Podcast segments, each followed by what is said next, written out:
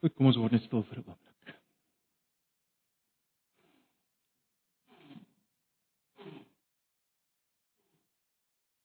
Nou maar net in u teenwoordigheid kom in hierdie oomblik en vra dat u met ons sal praat deur die woord wat vanoggend 'n baie baie oorbekende gedeelte gaan hanteer. Ek vra dat u tog dit sal gebruik om ook weer met ons te praat.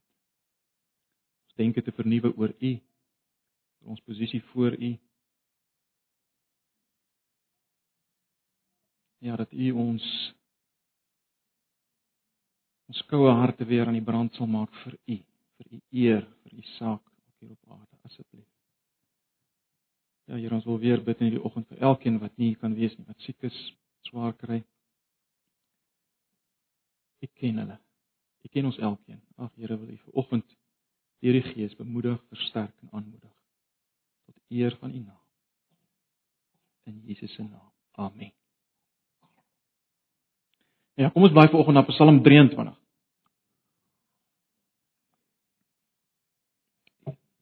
Ou oorbekende Psalm 23.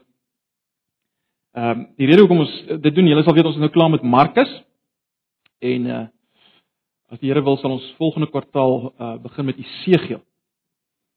Ons weer in die selgroepe Esegiel doen. Wel ons gaan nie Esegiel uh sistematies deur Esegiel werk nie, ons gaan wel as, as te ware kyk na God aan die hand van Esegiel. Sekere uh beelde van God, eienskappe van God wat voorkom uit Esegiel uit. So tot dan vir die paar sonnae tot dan gaan ons maar 'n bietjie rondom bond preek. Volgende Psalm 23.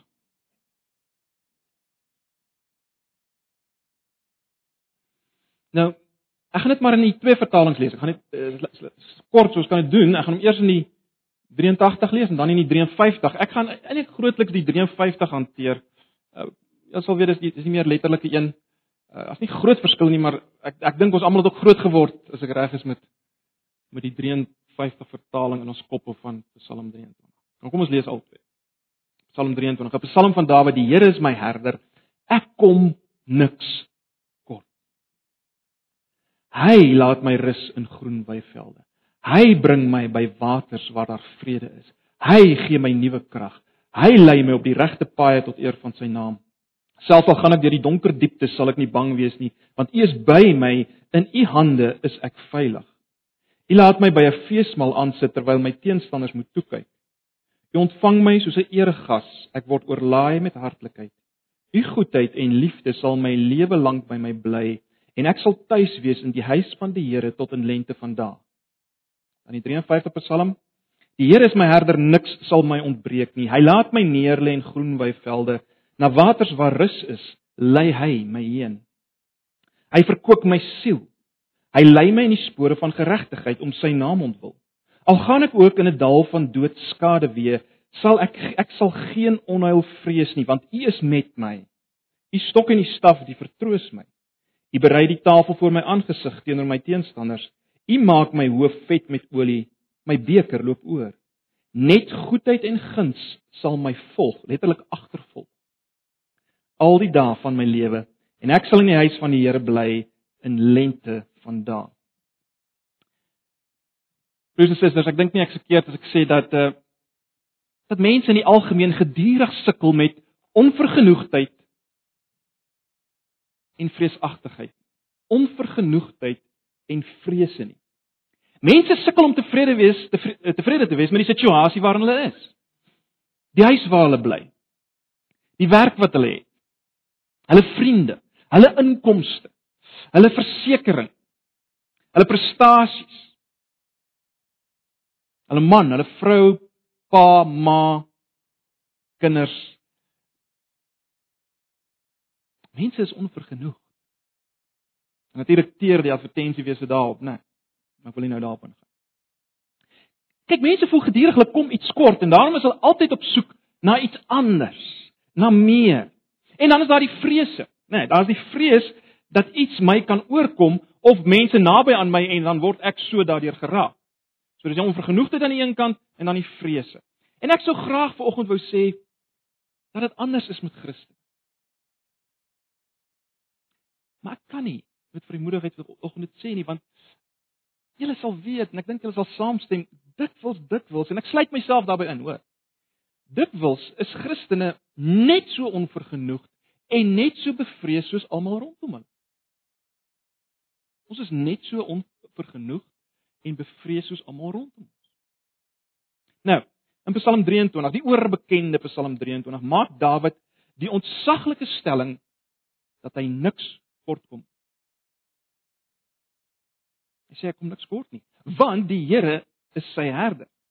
Kyk, nie die sekuriteit van 'n duisend polisse, uh nie die vriendskap van sakemanne en politici, nie die roem van 10 Oscars en die gewildheid van 'n Olimpiese medalje wenner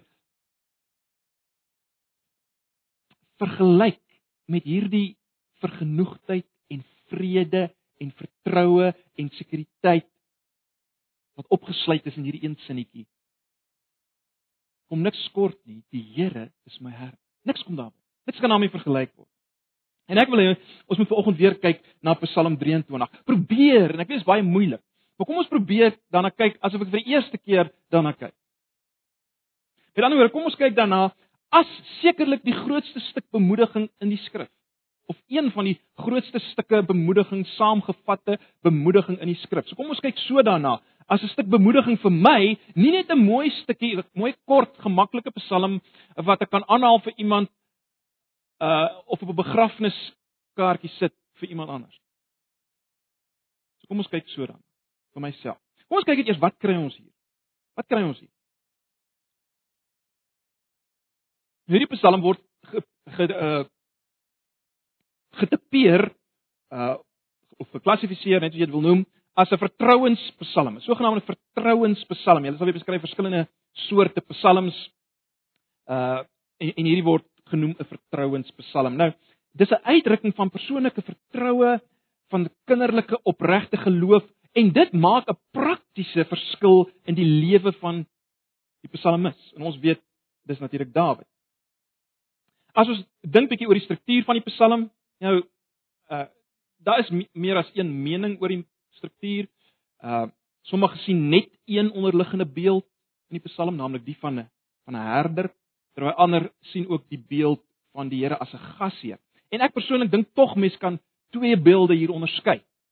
Dink tog mens kan twee beelde hier onderskei. In vers 1 tot 4 die Here as herder.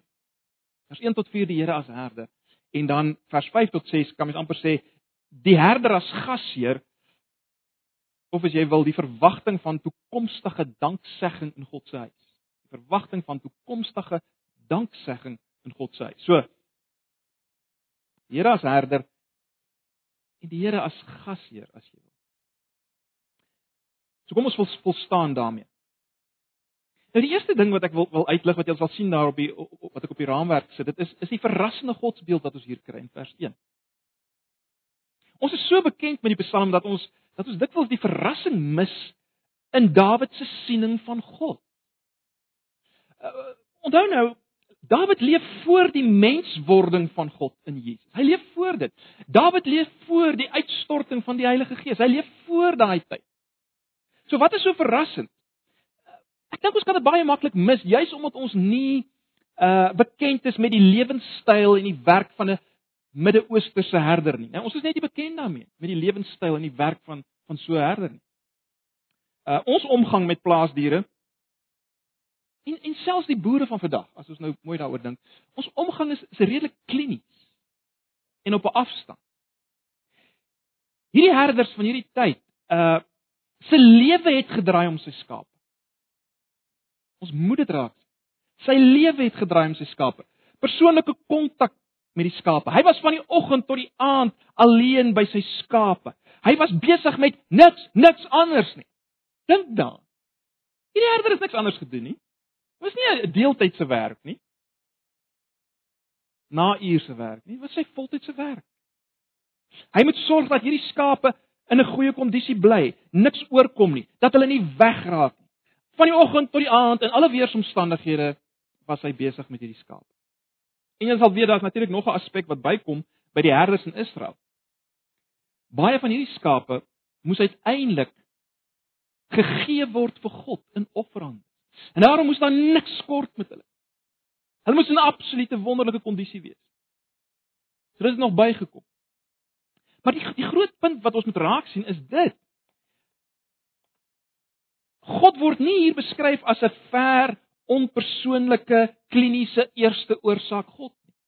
Soos baie mense vandag aan God dink. En soos daar in die geskiedenis oor God gedink is nie. Dit is totaal iets anders hier. Dis die beeld van 'n herder. Wonder of ons dit nog raak sien. Dis die beeld van 'n herder. Midde-Oosterse herder. En nou gaan die psalmis so ver om te sê dat hierdie herder, hierdie God is sy herder. Hy is nie maar net herder in die algemeen. Hy sê dis my herder. Die Here is my herder. En daarom kan hy met vertroue sê niks sal my ontbreek nie. Ek sal niks kort kom nie. Ek sal op die ou end alles hê wat nodig is, selfs al gebeur wat ook al met my. Ek kan volkome vertrou op God se voorsiening, sy leiding, sy versorging. Ja, met 'n skaap kan daar baie dinge verkeerd loop. Baie dinge gebeur, maar niks kan verander aan die feit dat die Here, die God van die hemel en aarde, let wel, daardie Here is my herder. Niks kan dit van. Dis waarmee Dawid begin in vers 1. Nou dis 'n geweldige uitspraak en en wat ons mooi moet verstaan is, dis nie maar net sommer 'n gevoelsuitspraak. Ag, ek voel die Here is my herder dis nie dit nie. Nee. Hierdie uitspraak is deeglik gegrond op God se openbaring van homself in die geskiedenis. Deeglik gegrond. Hierdie hele metafoor van 'n van 'n herder om die verhouding tussen God en sy mense aan te dui, kom al 'n lank pad uit die Ou Testament uit. Ons ons mis dit dikwels. Uh, Dink net aan Genesis 48 vers 15. Jakob praat met Josef, luister maar net. Genesis 48 vers 15. Dan lees ons die volgende en hy, dis nou Jakob het Josef geseën en gesê: Die God vir wie se aangesig my vader Abraham en Isak gewandel het, die God wat my as herder my lewe lank gelei het tot vandag. Jy sien, is is nie sommer net 'n nuwe beeld nie wat Dawid uitgedink het. Dit kom uit geskiedenis. Baie interessant ook is dat dit sin speel op die volk se uittog uit Egipte, hierdie hele metafoor. Ons lees byvoorbeeld uh die frase niks sal my ontbreek nie of niks kom my kort nie. Ons lees dit byvoorbeeld in Deuteronomium, né? Nee, ons kry dit daar in Deuteronomium 2 vers vers 7 as daar teruggekyk word na die woes, die woestyn tog waardeur God net wel die volk gelei het. Dan lees ons byvoorbeeld en in hierdie 40 jaar was die Here julle God by julle en julle het niks kort gekom. Letterlik niks het ontbreek nie. Nee, so dis iets wat gebeur het in die geskiedenis.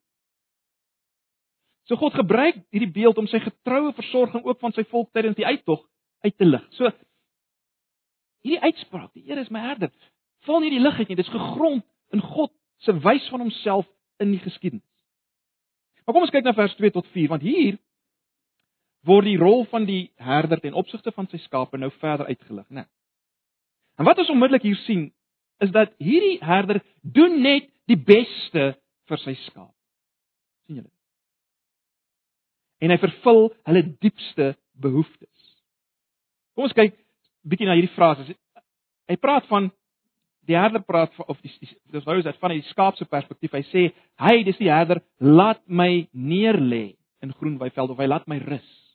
Hy laat my neerlê. Dit is baie interessant. Ek het 'n bietjie gaan lees oor ouens wat ons self herders is wat skryf oor oor oor die skape. Blykbaar uh gaan lê skape net plat. Hulle gaan rus net in daai sin van die woord. Hulle gaan lê net as hulle absoluut veilig voel. As daar niks is wat wat wat hulle pla nie, nie insekte nie. Selfs as daar nie 'n 'n soort van 'n ongemaklikheid is in die kudde nie. Soms is daar so onrustigheid in die kudde. Dan sal die skaap nie gaan lê nie. Die skaap gaan lê net as hy absoluut rustig is en as hy gevoed vol geëet. Genoeg geëet. En en wat nou hier staan is dat hierdie herder kan sy skape tot so gaan lê beweeg. Want hy vat hulle na die die groen weivelde.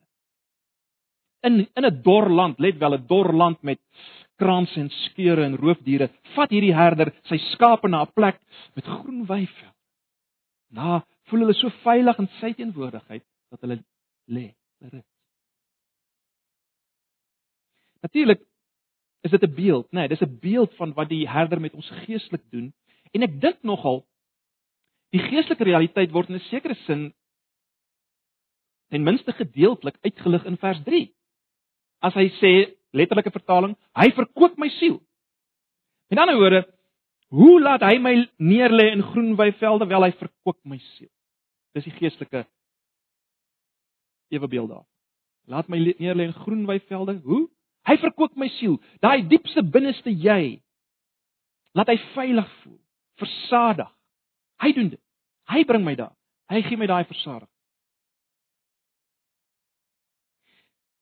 Dan sê die skaap, hierdie herder bring my by waters waar daar vrede of is of dan letterlik na waters waar rus is, lei hy my heen. Jy sien, is die herder alleen wat weet waar daar water is wat wat stil is. Waar dit rustig is. Waar dit nie gevaarlik is. Waar die skape kan drink. Hulle drink nie by uh by stormwater. Hy bring sy skape daar. Weereens iets van die geestelike ewebeeld word uitgelig in vers 3. Hoe lei hy my na waters waar rus is? Hy lei my in die spore van geregtigheid. Hy lei my in die spore van geregtigheid. Die die nuwe vertaling sê hy is 'n vertaling hy bring my op die regte pad. Elke bietjie van 'n verskraling. Ons ons weet nou al geregtigheid beteken meer, beteken om in die regte verhouding te wees met God en met ander. Die Here bring my daar. Hy lei my in die spore van geregtigheid. En dan is daar 'n gewellige klimaks in vers 2 tot 3 as daar staan hy doen dit om sy naam ontwil of ter tot of tot eer van sy naam om sy naam ontwil of tot eer van sy naam. Jy sien, eh, die die werklike herder doen al hierdie dinge vir sy skape sodat hy nie 'n slegte naam sal kry nie, 'n slegte reputasie van 'n dat hy 'n slegter herder is. Nou die nou hele punt hier is dit dat God die herder tree ook op ter wille van sy eer, sy reputasie. En ons weet al, dit kom dwars deur die Bybel voor. Dis geweldig belangrik. Ons ons dink byvoorbeeld aan Psalm 106 vers 8 waar presies dieselfde frase weer eens gebruik word uh ten opsigte van God se leiding van die volk uit Egipte. Luister wat staan daar. Maar hy het hulle gered ter wille van die eer van sy naam en om sy mag bekend te maak. En ons het al baie vir mekaar gesê, dis die rede vir al God se verlossingsdade. In die Nuwe Testament word dit pragtig gestel in Efesiërs byvoorbeeld. Efesiërs 1 vers 5 tot 6 en vers 12 en ook vers 14. God se verlossing gaan oor sy naam, sy eer, sy reputasie en ons het nou al baie vir mekaar gesê, dit gee vir my en jou sekerheid. Die rede hoekom ek en jy seker kan wees ons gaan dit maak uiteindelik, is nie omdat ons so goed is nie. So sterk is nie. So vashou nie. Dis die eer van God se naam. Sy naam is op die spel as een van ons verlore. Net soos die herder se naam op die spel is as een skaap iets oor.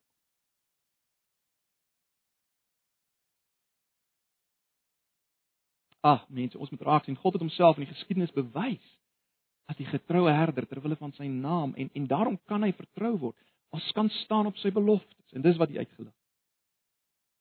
'n Volgende frase is die dal van doodskade weer. Hierdie vertroue van die herder se versorging en leiding hou stand ook in die ergste denkbare omstandighede, die sogenaamde dal van doodskade weer. Nou ek weet ons gebruik dit gewoonlik vir iemand wat besig is om te sterf Ons gebruik dit in daai sin, ons sê hierdie ou gaan nou deur die dal van doodskade weer. Nou dis natuurlik nie die die die, die eerste betekenis nie. Mens sou dit kon vertaal met uh baie diep skade weer, totale duisternis. Weerens dit verwys maar net na die die bergdale en klowe in daai tyd wat wat altyd soort van in skadu gehul was en natuurlik was dit baie gevaarlik want die die roofdiere kon daar skuil en jy kan dit nie sien nie. Want as as dit skade weer. Daarom moet dit 'n 'n dal van doodskade wees want dit is gevaar. Maar dit selfs in hierdie donker angswekkende klowe wat jy kan staat maak op die herde, sy beskerming. Weereens baie interessant net net so te loop. Weereens word hierdie beeld gebruik in verband met die uittog, byvoorbeeld in Jeremia 2 vers 6 word dit letterlik so geskryf, hulle is deur die dal van doodskade weer gelei. En ja, dit kan ook gebruik word vir hierdie hierdie deurgaan, hierdie laaste deurgaan na die dood. Job gebruik dit. Job gebruik dit so. Hy gebruik hierdie hierdie frase in Job 10 vers 21 en 22 gebruik hy so die dal van doodskade. Maar wat ons kan vat hier uh, is dat in die donkerste tye en en ag ons weet, is daar nie baie donker tye nie. Selfs in die aangesig van die dood kan ek nog vertrou op die Here? Hoekom kan ek vertrou? Wel, dit bring ons by die volgende frase, die frase van u stok en u staf behoed my. Jy sien die rede vir hierdie vertroue in God se beskerming uh word uitgebeeld as stok en staf. Nou die Palestynse herder weer eens het blykbaar twee hulpmiddels gehad, uh, uit 'n knippel of 'n stok gehad om die wilde diere af te weer en dan het hy 'n staf gehad. 'n Staf om die skape te lei en te beheer. Uh skape wat weggedwaal het is as te ware nader getrek met die staf. Blykbaar as jy sien 'n skaap wil 'n giftige plant daar eet, dan gooi jy hom met die staf.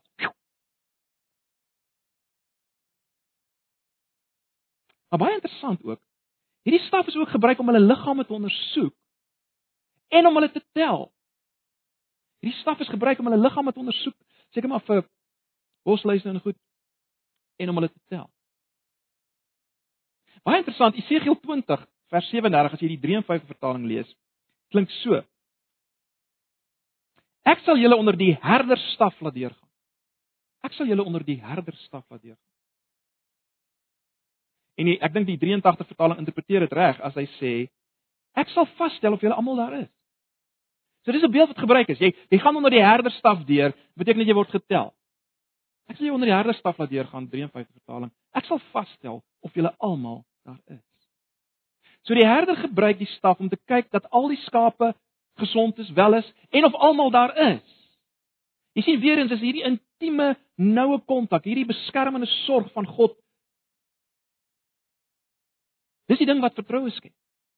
In die skaap, by die skaap. Dis wat vertroue skep. So dis die eerste 4 vers.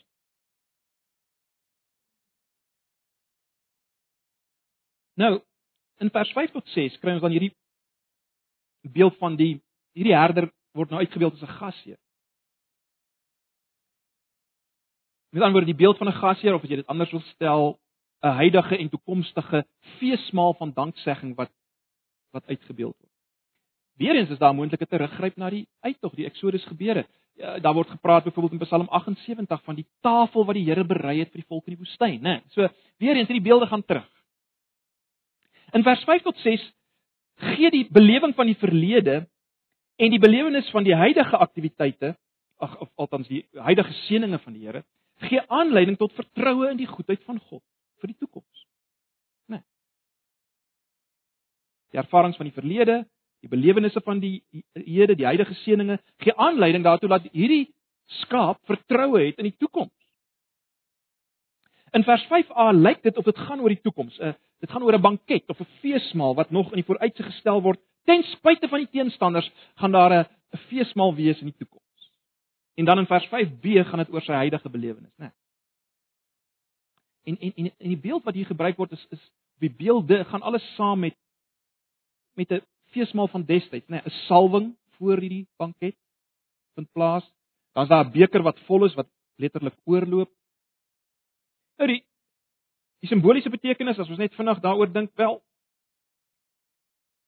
'n feesmaal moet moet ons onthou was was gewoonlik die viering van God se beskerming en voorsiening. Dan's daar 'n feesmaal gehou om om God se beskerming en voorsiening te vier. En dis wat hier gebeur. Dis wat hy hier uitbeeld in hierdie beelde. As hy sê sy beker loop oor, Wel, dit verwys natuurlik na die oorvloedige seën van God. En hy dank die Here daarvoor. Hy gaan nou die toekoms met vertroue tegemoet, want God gaan onderneem ten spyte van sy teenstanders. En hy gaan ook in die toekoms sal sal hy die Here eer daarvoor. Vers 6 uh ek het daarna verwys toe ek dit gelees het, maar letterlik sou mens kon vertaal vers 6 met goedheid en guns sal my agtervolg al die dae van my lewe. Interessant, né? Nee. Dit word gestel teenoor die vyande wat hom agtervolg om hom te ontroon, om hom te vernietig.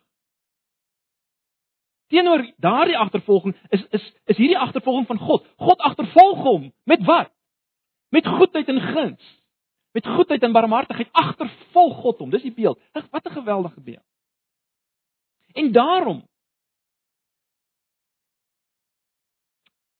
wil Dawid net die Here groot. Nee, dit lei tot danksegging. Hy sê hy sal hy sal die Here gaan dank in sy tempel. So dis wat ons hier kry. Maar nou broers en susters, wil ek hê ons moet kyk na die veelseg wat ek wil noem die veelseggende kern van hierdie Psalm wat weggesteek is daar in vers 4. Ek het doelbewus dit uitgelaat tot op hierdie punt. Ek het dit doelbewus uitgelaat. Die kern van die Psalm, dis geweldig interessant. In die middel, presies in die middel van hierdie Psalm. 26 Hebreëse woorde aan die een kant, 26 Hebreëse woorde aan die ander kant. Kry ons die frase ki ata imadi, want u is met my. U is met my, reg in die middel. U is met my. Nou, baie interessant. As ons nou hieroor dink as Nuwe Testamentiese mense. Wat word Jesus genoem in Matteus 21 uh, 1 vers 21? Baie bekende Matteus 1 vers 21. Wat hy word genoem Immanuel God met ons. Immanuel God met ons. En nou weet ons in Johannes 10 kom Jesus en hy noem homself wat? Die goeie herder. Maar terselfdertyd weet ons Jesus is ook die seun van Dawid. Hy's God se finale Dawid. Die Dawid wat in Psalm 23 die skaap is. Ons weet Jesus is ook dit. En daarom is dit fascinerend as mens daaroor dink want Jesus die goeie herder word in Openbaring 5 geteken as die lam. Nee, die skaap wat geslag word in Openbaring 5. Ek hoop julle sien dat Psalm 23 vir ons as Nuwe Testamentiese mense nog meer veelzeggend is. Baie meer sê. Die herder het lam geword. Die herder uh, herder ruil plekke om met die lam. Die een wat ewig lewe het gegaan deur die dal van doodskade weer. Die vyande het sy kop gesalf as jy wil met met bespotting en 'n doringkroon. Hy word deur God verlaat. God is nie by hom of met hom in daardie oomblik aan die kruis nie. Hy word deur God verlaat. Met ander woorde, Jesus gaan as te ware totaal en al deur die omgekeerde van Psalm 23 vir ons vir die skape.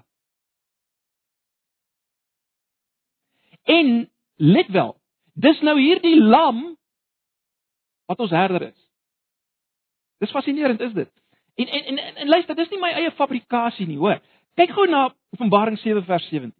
Kyk gou na Openbaring 7 vers 17.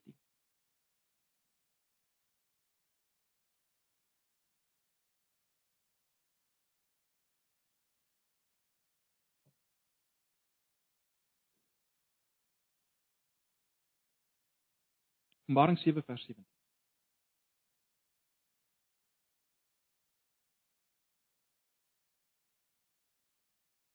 Ons lees daar: Want die lam wat in die middel van die troon is, sal hulle herder wees. En hulle na die fonteine met water van die lewe lei en God sal al die trane van hulle oë af. sien julle dit? Want die lam wat in die middel van die troon sal hulle herder wees. En hulle na die fonteine met water van die lewe lei en God sal al die trane van hulle oë af. So wat is die groot punt wat ons vanoggend moet vat?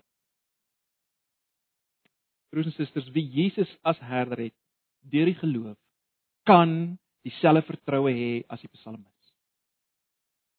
En meer, en meer. Ek meen, hy wat sy lewe vir sy skape gegee het, sal uiteraard alles gee vir hulle wat wat hulle nodig het anders as as as ander herders wat dalk kan bang word of laks of nalatig kan word, weet ons die goeie herder sal nie so wees nie, want hy het sy getrouheid reeds bewys aan die kruis. Dis ons herder. Hy het sy getrouheid reeds bewys aan die kruis. Hy verstaan my. Ja, dit beteken nie ek gaan 'n rimpelvrye welvarende lewe hê sonder vrees nie. Maar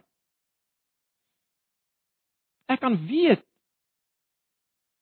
hy gaan my by die eindbestemming bring en hy's met my. Hy's met my. Ag, is maar dieselfde begrip as wat ons gesien het in Hebreërs, né? Nee.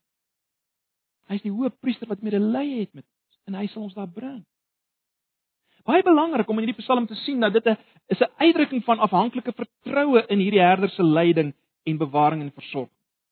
En dit is belangrik om te sien dit word geskryf vanuit die skaap se perspektief. Dis julle dis die hele tyd die skaap wat praat. Hy praat van my herder. Ek sal nie vrees nie. Met ander woorde daar daar's 'n bewustheid van nood en ek dink dis belangrik. Dit veronderstel 'n bewustheid van ons nood, ons hulpeloosheid as mense. Ons het nood en behoeftes. En daarom het ons 'n herder nodig.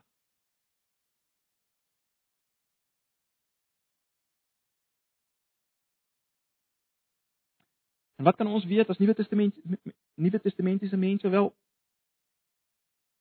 Jesus self is die herder, né? Hy self is ons voedsel, hy's die brood van die lewe.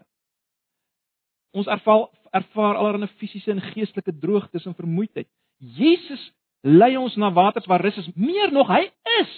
Wat sê hy? Ek is die lewende water. Hy self is die een in wie ons rus vind. In hom vind ons rus vir uh uh in wat hy vir ons gedoen het, vind ons rus, né? Nee.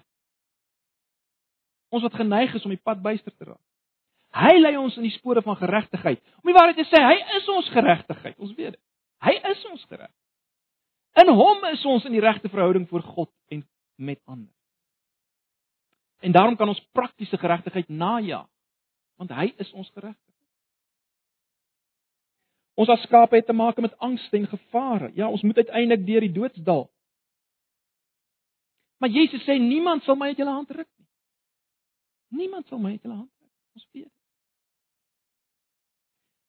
Is jy dalk vanoggend in 'n donker kloof? Wat gebeur met Jesus se skape? Dit gebeur met skape. Is jy vanoggend in 'n donker kloof? Ag. Vind jy vertroosting in hom? Vind jy vertroosting in hom. Jesus gee vir ons die lewe in oorvloed. Watter lewe? Hy self is die lewe. Ek is die weg, die waarheid en die lewe. Lewe is in hom, né? Nee. En deel van hierdie lewe is is die vrede wat alle verstand te bowe gaan, wat God gee. Waarvan Jesus praat ook in Johannes Evangelie. Vrede wat alle verstand te bowe gaan. Maar dit is belangrik Broers en susters, dis belangrik ons vind rus en sekuriteit net deur vertroue in ons Here. Kyk, die skaap wat op sy eie insig wil staat maak. Ons weet wat gaan met hom gebeur, né? Ons weet wat gebeur met 'n skaap wat op sy eie wil besluit waar is die kos. Hy gaan wegdwaal en hy gaan uiteindelik vrek van hongerte. Die wilde diere gaan hom verskeer. En daarom is dit so belangrik net by die herder is veiligheid en rus, vrede. Ag ek hoop julle sien hierdie Psalm het natuurlik niks te doen met prosperity gospel nie. Dit gaan alles oor oorvloed van sekuriteit te midde van alles wat jy deur aska. Te midde van alles wat jy deur gaan aska. Hy sit ons nie eenkant op 'n in 'n glasbak nie, né? Dis nie waar hy homself openbaar as herder nie. Ons moet dit raak sien. En jy al sê ek kom niks kort nie. Ek moet myself vanoggend vra kan ek dit sê? Kan ek dit regtig sê? En jy sê dit net kan sê as jy kan sê die Here is my herder. Jesus is my herder.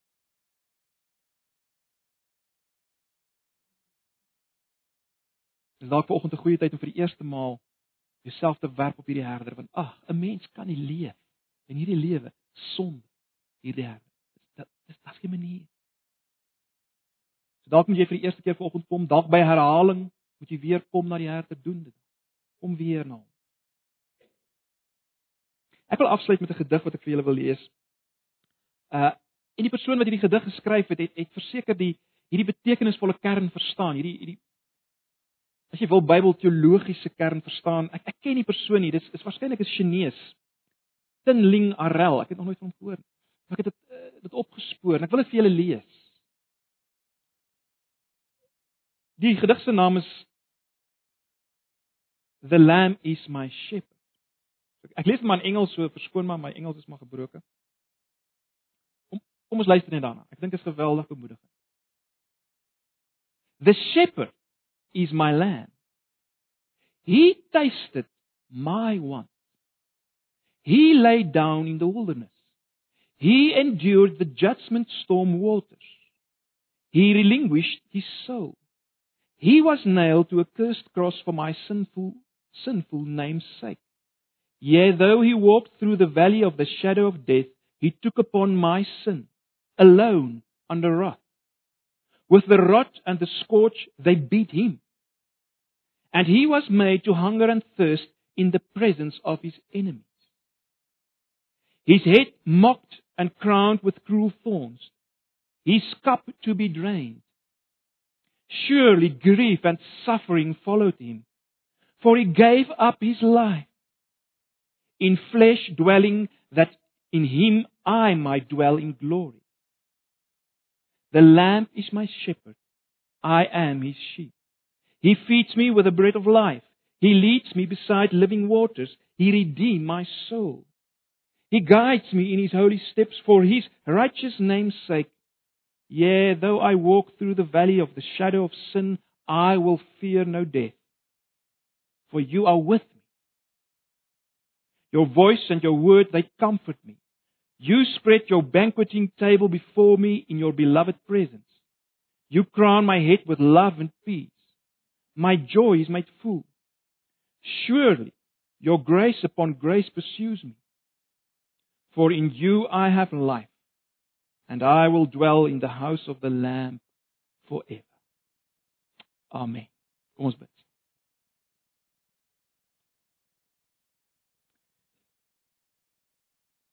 Ag Here, baie baie dankie vir die woord. Baie dankie vir Psalm 23.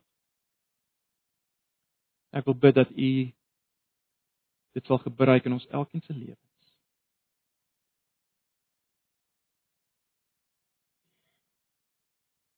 Baie baie dankie dat U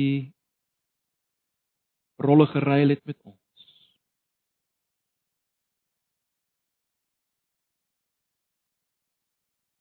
Dat U in ons plek skaap geword het, lam geword. En dat ons U kan hê by ons nou as ons herder. Ons eer U daar. Mag nou die genade en die liefde van Jesus, ons herder, die lam, vir elkeen wees en bly hierdie dag. Amen.